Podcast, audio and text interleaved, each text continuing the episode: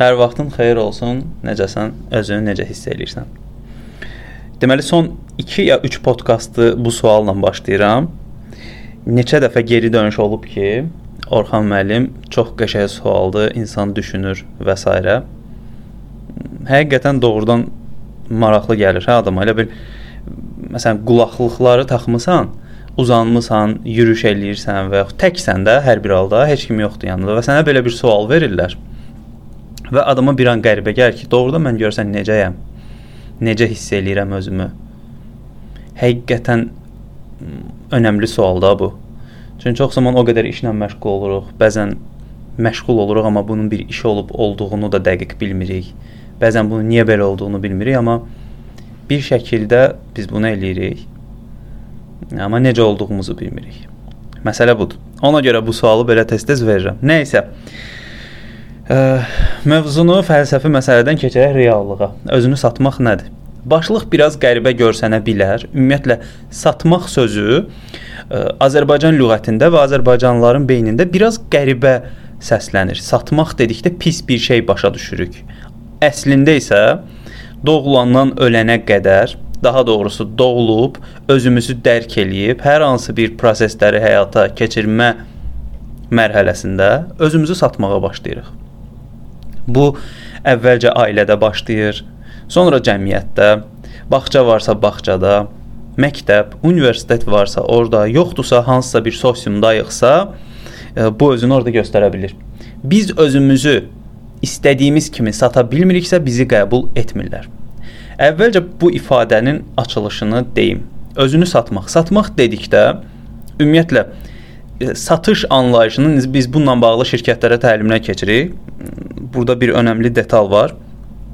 Birincisi satış nədir dedikdə, satış hər hansı bir şeyi sırmaq deyil, insana almaq istədiyi şeyi ə, e, tapmaqda yardımçı olmaqdır. Satışı belə bir tərif veririk. Özünü satmaq dedikdə isə insanın çatmaq istədiyi bir nöqtə üçün özünü formalaşdırması, özünü bir formaya salıb özünü bir A nöqtəsindən B nöqtəsinə gətirməsidir. Bir növ belədir də, indiki dövr, yəni kapitalizm bizdən bir məhsul olmağımızı tələb eləyir əslində. Ya bu biraz kobud səslənə bilər, amma həqiqətən bu belədir də. Yəni bizim bir qablaşmamız çöl görünüşümüzdür. Məsəl üçün Azərbaycan insanının qablaşması necədir? E, çox zaman deyirik də, kənardan insanlar çox bahalı görsənirlər, amma real həyatlarında belə deyillər və yaxud çöldən elə bəzənib düzənir, amma içi elə deyil. Məsələn, toyu buna nümunə gətirmək olar. Toyda hamı full bəzənir, amma hamının içi o bəzənmiş formadadırmı? Burada bir ə, e, sual yaranmış olur. Və ya çox da bəzəkli, düzəkli olmayan adam amma düşüncələrinin nə qədər zəngin, daxilinin nə qədər zəngin ə, e, olduğunu e, görə biləcəyimiz insanlar var. Yəni bunların hamısı nisbi olduğuna görə biz burada məsələnin o mənəvi tərəfinə baxırıq ki, bizim qablaşmamız, qutumuz necə olmalıdır ki, biz diqqəti cəlb eləyək. Bəzən də elə məhsulların qablaşması olur ki, sən onu alırsan, amma məhsul keyfiyyətsizdir.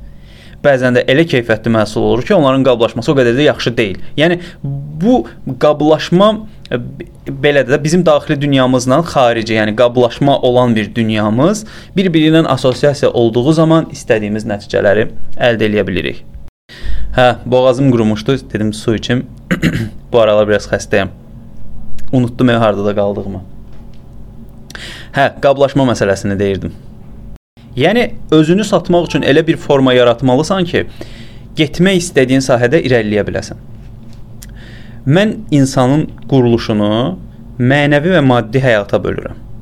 Yəni qısaca da belə. Yəni bizim bir mənəvi hissəmiz dolu olmalıdır. Bir də işin maddi tərəfi. Məsələn, bax, alverçi çox gözəl nitq qabiliyyətinə sahib ola bilər. Amma işinin o akademik tərəfi olmadığına görə, yəni mənəvi tərəfi tam dolmadığına görə biraz sıxıntı yaşaya bilər. İrəliləmə baxımından, işini daha da böyüdüb biznes halına gətirmə baxımından və s. Eləcə də çox güclü bir professor ola bilər ki, akademik bilikləri olsun, amma maddi olaraq zəif olsun. Bir şəkildə özünü satmaq balansı tuta bilmə bacarığıdır. Yəni ə, e, məsələn ə, e, deyək ki, X adlı adamın çox gözəl nitq bacarığı var. O nitqini harda istifadə eləyə bilər? Bax o sənin onu harda istifadə eləyə bilmə seçimlərinlə nitqin yaxşı olması düz mütənasib olduğu zaman, balanslı olduğu zaman sən özünü daha yaxşı sata bilirsən. Əvvəl belə bir məsələ var idi. Mən oxuyan dövrdə də atam həmişə deyirdi. Bu arada mənim atam tarix professoru idi və mənə deyirdi ki, oxu yaxşı olacaq. Yəni dərslərini oxu, nəticə əldə edəcəksən. Amma mən bu universitet dövründə anladım ki, mənim universitet dövrüm 2010-14-cü illəri əhatə eləyir bu bakalavr illərində başa düşürsən ki, elə deyil əslində. Özünü satmaq üçün taktikalar lazımdır. Özünü daha yaxşı təqdim eləmək üçün, seçilmək üçün, fərqlənmək üçün taktik gedişlər eləməlisən. Xüsusi bacarıqlar olmalıdır. Sən digərlərinə seçilməlisən. Artıq sənin gecə-gündüz oturub kitab oxumağın heç bir adama faydası yoxdur. Həmişə dediyim bir fikirdir. Bir kitab oxuyub ondan 10 min pul qazana bilərsən. Amma 100 kitab oxuyub oradan heç 1000 manat da qazana bilmərsən. Məsələ kitab oxumaq deyil, oxuduğun məlumatı nə qədər özününküləşdirilməsidir, nə qədər bunun ə, sənə təsiridir. Bir növ ə, fikir verin, məsələn, Made in Azərbaycan deyəndə ə, əşya Azərbaycanda istehsal ediblər də, çox da ciddi bir şey deyil. Və yaxud deyək ki, maşın Belarusiyada istehsal olunan maşın deyəndə belə adam qəribə gəlir ki, Belarusiya nədir, maşın nədir və s. Amma alman deyəndə avtomatik beyinə bu gedir. Futbol onun kimi, e, musiqi onun kimi, fərqli-fərqli sahələr. Yəni e, qablaşman hansı formadadırsa, insanların qiymətləndirilməsi də ona görə olur. Bir növ özünü satmaq o qablaşdırmanı doğru tərzdə yaradıb, onun da o daxilini tam doldurub getmək istədiyin sahəyə rahat şəkildə gedə bilmə fəaliyyətidir. Bu baxımdan satmaq məsələsi, satışla bağlı olan məsələ, özünü təqdim eləmə, özünü fərqləndirmə. Bu şeylər çox-çox önəmlidir. Bilirsən burada yaltaqlıqdır. Üzr istəyirəm ifadəmə görə girməkdir kiməsə və yaxud ə, kiməsə lağlağı eləyib irəli getməkdir. Bu şeylər özünü satmaq deyil. Bunlar özünü satmağa aid deyil. Özünü satmaq müasir dövrün tələblərinə cavab verərək maddi tərəfini təmin etmək, mənəvi tərəfini də tam şəkildə dolduraraq bunun balansına tutma bacarığıdır. Özünü satmaq bir bacarıqdır. Məsələ odur. Çox gözəl biliyin ola bilər, amma sən heç kimdən seçilə bilmərsən.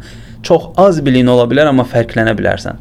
Məsələ bax budur. Bu bilik və bacarığın balansını tuta bilmək çox-çox vacib olan məsələlərdən biridir. Bax belə. Ümid eləyirəm özünü satmaq anlayışı ilə bağlı olan fikirlərimi az da olsa çatdıra bildim. Daha doğrusu izah eləyə bildim. Və sualların olsa, fikirlərin olsa, mütləq şəkildə mənə yazmağı unutma, bunu müzakirə eləyə bilərik. Özünə yaxşı bax.